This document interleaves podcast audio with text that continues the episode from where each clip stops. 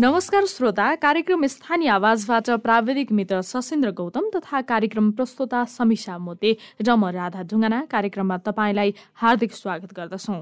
कार्यक्रम स्थानीय आवाज हरेक दिन ठिक साँझ साढे सात बजेबाट आधा घण्टा तपाईँले रेडियो क्यान्डिड बयानब्बे दशमलव सात मेगा हर्जमा हाम्रो website W W W dot Radio Candid dot कममा हाम्रो आधिकारिक फेसबुक पेजमा रेडियो क्यान्डिडको एप्स डाउनलोड गरेर र पोडकास्टमा समेत सुन्न सक्नुहुन्छ। यो कार्यक्रमको पुनः प्रसारण हरेक दिन बिहान साढे सात बजे हुनेछ। लिखो गाउँपालिका प्रदेश नम्बर एक अन्तर्गत ओखलढुङ्गा जिल्लामा पर्दछ। लिखो गाउँपालिका जिल्लाको सदरमुकाम ओखलढुङ्गाबाट करिब पचहत्तर किलोमिटर उत्तर पश्चिमतर्फ अठासी दशमलव शून्य तीन वर्ग किलोमिटर क्षेत्रफलमा फैलिएको छ। यस गाउँपालिकामा जम्मा छवटा गाविसहरू सिंहदेवी नर्मदेश्वर यसम गमनामटार टार्किराबारी र पोखली गाविस मिलेर बनेको छ भने गाउँ कार्यपालिकाको कार्यालय वडा नम्बर चारको यसम भन्ने ठाउँमा रहेको छ। यस गाउँपालिकाको पूर्व दक्षिणतर्फ चम्पादेवी गाउँपालिका पश्चिमतर्फ रामेछाप जिल्ला र उत्तर पूर्वतर्फ खिजिदेम्बा गाउँपालिका पर्दछ। यस गाउँपालिकाको जम्मा जनसङ्ख्या चौध हजार उनाचास रहेको छ। यस गाउँपालिकाका बासिन्दाहरू विशेष गरी कृषि पेसामा निर्भर रहेका छन् भने केही मात्रामा सरकारी नोकरी व्यापार व्यवसाय वैदेशिक रोजगार सिकर्मी तथा डकर्मी पेसामा निर्भर रहेका छन्। आजको कार्यक्रममा हामीसँग जोडिनु भएको छ लिखु गाउँपालिकाका उपाध्यक्ष शान्ता ढुङ्गेल। उपाध्यक्ष ढुङ्गेललाई गाउँपालिकामा उपाध्यक्षको जिम्मेवारीमा रहँदाको चार वर्षे अनुभव कस्तो रह्यो भनेर सोधेका छौ। जुन जुन लक्ष्य लिएर काम गर्न सुरु गरेका थियौँ त्यसमा टेकेर खुर्किला अगाडि चाहिँ बढाउँदैछौँ। जुन शिक्षा स्वास्थ्य खानेपानीदेखि लिएर जुन आधारभूत आवश्यकताहरू जति छन् ती कुराहरूलाई जनताका आधारभूत आवश्यकताहरूलाई चाहिँ हामीले पुरा गर्ने खुर्किलाको चरणहरू चाहिँ अलिकति उँभो लागि लगिरहेको अवस्था छ ब्रेक काहीँ भएको छैन। हामीले यो कोभिडलाई पनि मध्यनजर गर्दै धेरै कामहरू यो बिचमा पनि यो बन्दै नगरिकन हरेक कुराहरूलाई चाहिँ सबैलाई सन्तुलन मिलाएर काम गरिरहेको अवस्था छ र हामीले गर्ने विकासका जुन हामीले लिएको लक्ष्य थियो हाम्रो चुनाव जित्नुभन्दा अगाडि चुनावमा उठिरहँदाखेरि हामीले घोषणा पत्रमा भनेका कुराहरू धेरै कुरा चाहिँ हामीले पुरा गरिसकेका छौँ। हजुरले भने जस्तै यी दुई तिनवटा कुराहरूले गर्दाखेरि सबै कुरा अलिकति बजेट पनि यता कोभिडतिर पनि अलिकति छुट्याउनु पर्ने भयो। र त्यो भएको कारणले केही कमी त भएको छ तर पनि काम गर्ने सिलसिलामा त्यस्तो ठप्पै भएर अडिएरै अब सकिगयो भन्ने हिसाबले चाहिँ बस्नु परेको अवस्था छैन अब नागरिकले महसुस गर्ने खालको ठ्याक्कै के काम भयो त तपाईँको पालिकामा? पहिले कस्तो थियो अवस्था पालिकामा र अहिले के परिवर्तन पाउनु भएको छ? अब यो चाहिँ के हुन्छ भनेदेखि आफूले काम गर्ने मान्छेले गरेको कुरा आफूलाई चाहिँ धेरै गर्ने भन्ने लाग्छ प्राप्त गर्नेले कति गरौँ भन्ने कुरा हो। त्यसमा प्राप्त अनि अर्को कुरा चाहिँ हामी स्थानीय सरकार हामीले मात्रै गरेका मात्रै हेरौँ। हामी पनि त्यहाँको स्थानीय बासिन्दा भएको कारणले गर्दा हामीले प्राप्त पनि गर्ने हिसाबले गरेको छौँ। त्यो भएको हुनाले हामीले धेरै कुरा पाएका छौँ। हामीले सबै वडाहरूमा सडक सञ्जाललाई जोडेका छौँ। भनेको यो सडक सञ्जाल तपाईँहरू निर्वाचित हुनुभन्दा अगाडि सडक सञ्जाल थिएन पालिकामा? थिएन थिएन। हाम्रो चाहिँ एकदम दुर्गम ठाउँ हो। त्यो ठाउँ दुर्गम ठाउँ भएको कारणले गर्दा हामीलाई सदरमुकामबाट पनि हामी कर्णाली भनेर चिनिने हाम्रो यो लिखु गाउँपालिका धेरै टाढा थियो। सदरमुकामको पहुँचमा पनि हामी थिएनौँ। हामी चाहिँ अनि अर्को लिखु तर्ने बित्तिकै पनि रामेसाप थियो। त्यो भएको हुनाले हामी जिल्लाबाट पनि पछाडि परेका हाम्रा नागरिकहरूलाई मुख्य कुरा त सडक सञ्जालमा जोडेर हामीले जिल्ला सदरमुकामसँग पनि नजिक र आफ्नो गाउँपालिकाभरिमा नजिक बनाएका छौँ भने अर्को कुरा खानेपानीको एक्सेस चाहिँ हामीले असाध्यै तीव्र गतिमा खानेपानी पनि अब लगभग एक घर एक धाराको अभियान चलाएका छौँ। यो काम हुँदैछ अब धेरैवटा बाँकी छैन। अलिकति स्रोत नभएको दुई तिनवटा वडा छ हाम्रोमा। पानीको स्रोतको कमी भएको। त्यहाँ पनि हामीले लिफ्टिङको प्रक्रिया अगाडि बढाइराखेका छौँ। र लिफ्टिङ लिखुबाट लिफ्टिङ गरेर पानी निकाल्ने योजनामा छौँ र गरि पनि रहेका छौँ। त्यो खानेपानी चाहिँ बिजुलीको कुरामा हाम्रोमा पेन्टिसिटहरू त धेरैवटा थिए हाम्रोमा सबैतिर नै लगभग थिए। तर पनि हामीले दीर्घकालीन रूपमा त्यसले काम नगर्ने हिसाबले केन्द्रीय प्रसारण लाइनलाई जोड गरिरहेका छौँ। अब लगभग हाम्रो केन्द्रीय प्रसारण लाइन पनि पुग्ने अवस्थामा छ। अब धेरैवटा बाँकी छैनन्। काम हुँदैछ। आधी आधी आधी आधीवटा बाँकी रहेको छ र यसमा पनि तीव्र रूपमा काम भइरहेको छ भनेदेखि स्वास्थ्यको हिसाबमा हेर्दाखेरि हाम्रो छवटा गाविस टुक्रिएर हाम्रा नौवटा वडा भएको छ अहिले।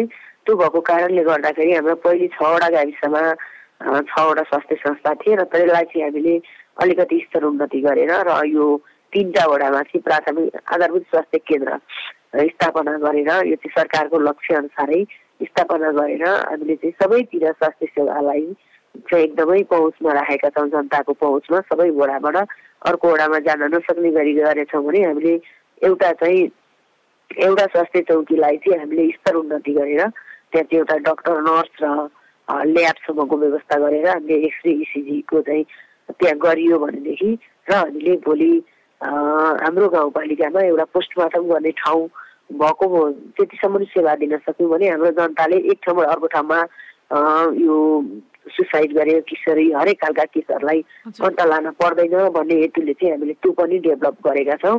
त्यो चाहिँ हाम्रो वार्ड नम्बर छको स्वास्थ्य चौकीमा एउटा भवन पनि थियो। अनि अलि राम्रै खालको पक्का भवन। त्यो भवनलाई युज गरेर अहिले हामीले सेवा दिइरहेका छौँ भनेदेखि अहिले हाम्रो चाहिँ एक करोड पच्चिस लाख हाम्रो यो यो राष्ट्रिय योजना आयोगबाट हामीले हालेर अहिले चाहिँ हामीले ऊ बनाइराखेका छौँ। के अरे भवन बनाउन टेन्डर गरिसकेका छौँ र अब हामीले यसलाई चाहिँ निरन्तरता दिएर यसलाई चाहिँ अलिकति स्तर उन्नति गरेर लानेछौँ भनेदेखि अर्को यो नेपाल सरकारले लिएको स्वास्थ्य पाँच सयको हस्पिटल पाँचदेखि पन्ध्र सय मध्येमा हाम्रोमा पाँच सयको परेको थियो। पाँच सयको हस्पिटलको पनि हामीले जग्गा सग्गा उपलब्ध गरेर अनि टेन्डर खुलाएर अहिले हामीले चाहिँ रिपेयर गरेर टेन्डर खुलाएर चाहिँ अब टेन्डरले काम काम गर्ने प्रक्रिया सुरु गरिरहेको अवस्था छ। अब यी आधारभूत आवश्यकताका कुराहरू छँदैछन् ती सँगसँगै पालिकामा हुने विकास निर्माणका कुरा स्तर उन्नतिका कुराहरू छँदैछन्। त्यो सँगै पाँच वर्ष कार्यकालमा हामीले यो विषयलाई प्राथमिकता दिएर काम गर्छौँ है भनेर एउटा योजना बनाउनु भएको थियो। प्राथमिकताको विषय चाहिँ के रह्यो तपाईँहरूको यो कार्यकालमा? हाम्रो प्राथमिकताको विषय त यिनी हुन्। जनताले सेवा पाउने विषय हो। यी एउटा मात्रै यसलाई प्राथमिकता दिन्छु भन्ने हुने रहेनछ। यसलाई प्राथमिकता दिन्छु भन्ने होइन। हाम्रो स्वास्थ्य शिक्षा खानेपानी अनि सडक र बिजुली यी चाहिँ एकदमै आधारभूत आवश्यकतामा भित्र पर्ने भएको कारणले गर्दाखेरि यसलाई अगाडि बढाउँदै र जुन कृषि छ जुन अहिले युवाहरू चाहिँ एकदम कृषिको क्षेत्रमा बाहिर विदेशतिर जानुपर्ने काम गर्न नपाएर होइन आफ्नोमा रोजगार नपाएर त्यो कुराहरूलाई कृषिलाई प्रमोट गर्ने कुरामा चाहिँ हामीले अलिकति जोन पकेट जोनहरू बनाएर काम गर्ने र कृषिलाई अलिकति प्रमोट गर्ने गरेका छौँ। अर्को कुरा भन्यो भनेदेखि अरू धेरै कुराहरूमा त यो सधैँ निरन्तर चलिरहने प्रक्रिया हुन्छ। यसलाई यही कुरामा ठ्याक्कै यति गरौँ भन्ने होइन। अब यो जुन हाम्रो महिला लक्षित कार्यक्रमदेखि लिएर यी कुराहरूलाई चाहिँ अलिकति पिछडिएको वर्ग भनेर अब भनिरहेको अवस्थामा अहिले चाहिँ त्यस्तो पिछडिए वर्गहरूलाई चाहिँ पिछडा छन् भन्ने हिसाबले नराखेकन एकदम समान रूपले अगाडि लानुपर्छ भनेर त्यस्ता खालका कार्यक्रमहरूलाई पनि हामीले अगाडि बढाइराखेका अवस्था छ। भनेपछि दीर्घकालीन खास योजना चाहिँ त्यस्तो केही पनि छैन खालि दीर्घकालीन त यस्तो हो। दीर्घकालीन योजना त हामीले गुरु योजना बिस वर्षीय दीर्घकालीन यो योजनाहरू बनाएका छौँ। त्यो चाहिँ भनेको यही कार्यक्रमहरूलाई जस्तो सडकलाई पिच गर्ने दीर्घकालीन होइन बिस वर्षसम्म निरन्तर भइरहने स्वास्थ्य शिक्षालाई अब शिक्षा स्वास्थ्यलाई यस्तो गरी डेभलप डेभलप गर्ने भन्ने कुरा हो। अरू त्यस्तो दीर्घकालीन पर्यटन क्षेत्रहरूलाई प्रमोट गर्ने कुरा यस्तो कुराहरू चाहिँ हो। हजुर। अब तपाईँले अघि कृषिको कुरा जोड्नुभयो। सम्भावना कृषिको छ पालिकामा तर त्यसलाई प्रमोट गर्नको लागि तपाईँहरूले के के गरिरहनु भएको छ? के गरिरहनु भएको छ भन्नुभयो? हजुर कृषिको क्षेत्रमा प्रमोट गर्नको लागि र स्थानीय तहमै जुन विदेशी युवाहरूलाई चाहिँ स्थानीय तहमै रोजगार दिनको लागि। हामीले दुई तिनवटा कुरा गरेँ एउटा युवा स्वरोजगार कार्यक्रम अन्तर्गत उहाँहरूको सिप के छ त्यो सिपलाई पहिचान गरेर जस्तो ट्रेनिङहरूको व्यवस्थापन गरेका छौँ। त्यो चाहिँ त्यो गरेपछि भोलि एउटा पनि युवाहरू चाहिँ आफ्नो रोजगारबाट विहीन हुन नपरोस् भन्ने हिसाबले हामीले सवारी साधन ट्रेनिङ मोबाइल रेडियो घडी ट्रेनिङ अनि यस्ता कुराहरूलाई चाहिँ उहाँहरूले जे इच्छा गर्नुहुन्छ जे चाहना छ जे आउँछ माग त्यो अनुसारमा हामीले त्यो ट्रेनिङहरूसँग कम्प्युटर तालिम यस्तो कुराहरू हामीले सञ्चालन गरिरहेका छौँ। एउटा कुरा भने अर्को कुरा चाहिँ कृषकहरूलाई कृषकहरूलाई चाहिँ हामीले कृषिका सामग्रीहरू जस्तो जोतखोन गर्ने सामग्रीदेखि लिएर बिउ बिजन र त्यहाँ चाहिने र मलहरू प्रयोग गर्ने के र त्यसलाई चाहिँ सिकाउने जसरी कसरी उत्पादनमा वृद्धि गर्न सकिन्छ त्यसलाई चाहिँ सिकाउने त्यो खालको एउटा प्रविधि इच्छुक चाहिँ हामीले तयार गरेका छौँ। अब सहरी रोजगारमा विभिन्न खालका तालिमहरू जस्तो हरेक किसिममा पनि युवाहरूलाई जोड्ने खालको तालिमहरू चाहिँ हामीले सञ्चालन गरेका छौँ। अब यो अवधिमा कति युवा युवतीले स्थानीय पालिकामै रोजगार पाए त्यसो भएदेखि त्यो खालको अवसर उनीहरूले पाए कि पाएनन्? पाए। स्थानीयमा पालिकामा रोजगार पाउने भनेको त हाम्रो पालिकामा चाहिँ काम गर्नुपर्छ त्यो स्थानीयलाई नै प्राथमिकता दिएको छ भनेदेखि अर्को कुरा चाहिँ जुन अहिले हामीले ट्रेनिङको कुरा गरिरह्यौँ ट्रेनिङबाट चाहिँ उहाँहरूलाई हामीले ट्रेनिङ दिएका छौँ महिलाहरूलाई सिलाइ कटाइदेखि लिएर उहाँहरूलाई असार बनाउनेदेखि लिएर हरेक कुरा गर्नुभएको छ र हामीले चाहिँ त्यो कुराको हामीले बेनिफिट पाउनुपर्छ सिलाइ कटाइ सिकाउनेले हाम्रा कपडाहरू सिलाउनुपर्छ भनेर मैले हाम्रा कपडाहरू तपाईँहरूले सिलाएको हुनुपर्छ। अन्त के गर्नुहुन्छ थाहा छैन हाम्रा कपडा सिलाएको हुनुपर्छ। तपाईँहरूले एउटा रोजगार तपाईँहरूको लागि गएको भनेर हामीले चाहिँ उहाँहरूलाई अनिवार्य रूपमा रोजगारमा जोड्न जोड्नलाई प्रमोट गरेका छौँ। अहिले प्राय धेरै सबै त भन्न सकिन्न। टेन पर्सेन्ट चाहिँ जति हामीले लक्ष्य लिएका थियौँ र जतिलाई हामीले ट्रेनिङहरू दिएका छौँ टेन पर्सेन्ट त गर्नुभएको छैन तर धेरै धेरै मात्रामा चाहिँ यो कामहरू व्यावसायिक हिसाबले गरेको अब स्थानीय तहमा आम्दानीको स्रोत के देख्नु भएको छ तपाईँले र त्यहाँ भएको स्रोत पहिचान परिचालनको लागि के व्यवस्था गर्नुभएको छ? अब यो यो विषय धेरै कठिन विषय छ। स्थानीय स्तरमा आम्दानीको स्रोत भनेको यो जहाँ इच्छा त्यहाँ उपाय आफ्नो इच्छा शक्ति बढायो भने स्थानीय स्तरमा सबै कुरामा आम्दानीको स्रोत छ। तर अब त्यसमा चाहिँ अलिकति आफ्नो पनि लाग्नुपर्छ र मैले गर्छु भनेर लाग्ने सोचमा परिवर्तन र दृढ विश्वास भयो भने मात्रै स्थानीय स्तरको स्रोतले चाहिँ आर्थिक रूपमा अलिकति सबल बनाउन सकिन्छ भन्ने लागेर लागेको छ हामीलाई र धेरै कुराहरू चाहिँ हामीले त्यो विषयमा ट्रेनिङ र अब कृषकहरूले गोलबेडा टनल लाएर पनि उहाँहरूले गर्नुभएको छ भने हरेक किसिमका मौरी पालनदेखि लिएर उहाँले उत्पादनसँग जोडिने कुराहरू हामीले धेरै दिएका छौँ। अलिअलि गर्नुभएको छ। यो नै आम्दानीको स्रोत हो भन्ने लाग्छ हामीलाई। किनभने त्यो गरियो भनेदेखि मात्रै स्थानीय स्तरको पहिचान र स्थानीय स्तरमा भएका कुराहरूलाई चाहिँ अगाडि बढाउन सकिन्छ र हुन्छ। अब सबैलाई जागिर खुवाएर स्थानीय तहमा पालिकामै जागिर खुवाएर रोजगार दिन सकिन्छ भन्ने कुरा हुने रहेछ व्यावसायिक रूपले जसरी बाख्रा पालन गर्नुभएको छ उहाँहरूलाई चाहिँ हामीले अनुदान दिएर अनि बाख्राका पाठाहरू वितरण गरेर अनुदान दिएर उहाँहरूलाई त्यसबाट बच्चाहरू निकाल्न लाएर अन्ततिर बेच्ने अनि धानको पकेट भएको ठाउँमा धानहरूलाई उत्पादन गरेर धानको बिउ हामीले किनिदिने गहुँ हामीले त्यसै गरी उत्पादन गरेर गहुँहरूलाई लिने मकै जोन आलु जोन त्यो गरेको छौँ त्यो भएपछि त्यो पकेट क्षेत्र बनाएपछि त्यसबाट उत्पादनको बाटो चाहिँ त्यसरी खोलेको छ।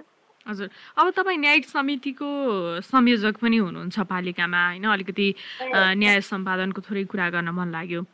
न्याय सम्पादन कसरी गरिरहनु भएको छ?